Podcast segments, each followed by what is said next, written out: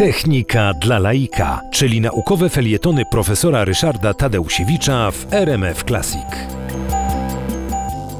Y, Taką twierdzą w cyberprzestrzeni y, jest, była i pewnie będzie y, firma IBM.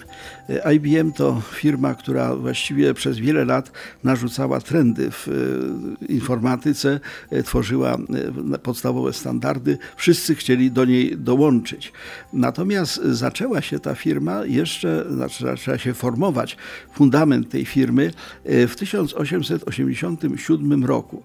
W tym roku 1887 bardzo utalentowany wynalazca Herman Horright no, stanął przed problemem, który postawiła, postawiła administracja Stanów Zjednoczonych. Mianowicie okazało się, że spisy powszechne, które zaczęto w Stanach Zjednoczonych robić, dostarczały tak ogromnej ilości danych, że ręczne opracowywanie tych danych przez statystyków było po prostu niewykonalne.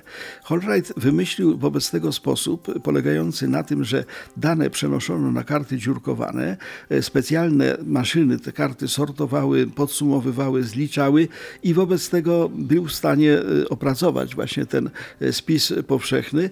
Co zabawne, ten konkurs dotyczył spisu z 1890 roku. Hornight bardzo szybko ten spis opracował, natomiast z roku poprzedniego, z 1879 roku ręcznie robiono to jeszcze potem przez dwa lata.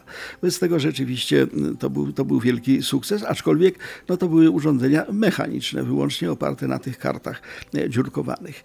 E, natomiast potem Holright doszedł do wniosku, że skoro ma taki dobry pomysł, to przydałoby się, jak to w Stanach Zjednoczonych jest popularne, stworzyć firmę w 1896 roku, czyli jeszcze w XIX wieku. Stworzył taką, taką firmę, która nazywała się Tabulating Machine Company y, no a potem y, no, przekształciło to się właśnie w to International Business Machine, to w 1924 roku, czyli IBM, International Business Machine. Y, wielkość tej firmy zbudował Thomas Watson, taki bardzo uzdolniony powiedzmy dyrektor, wizjoner. Y, oni bardzo przyczynili się w trakcie II wojny światowej do, w pracach dla wojska.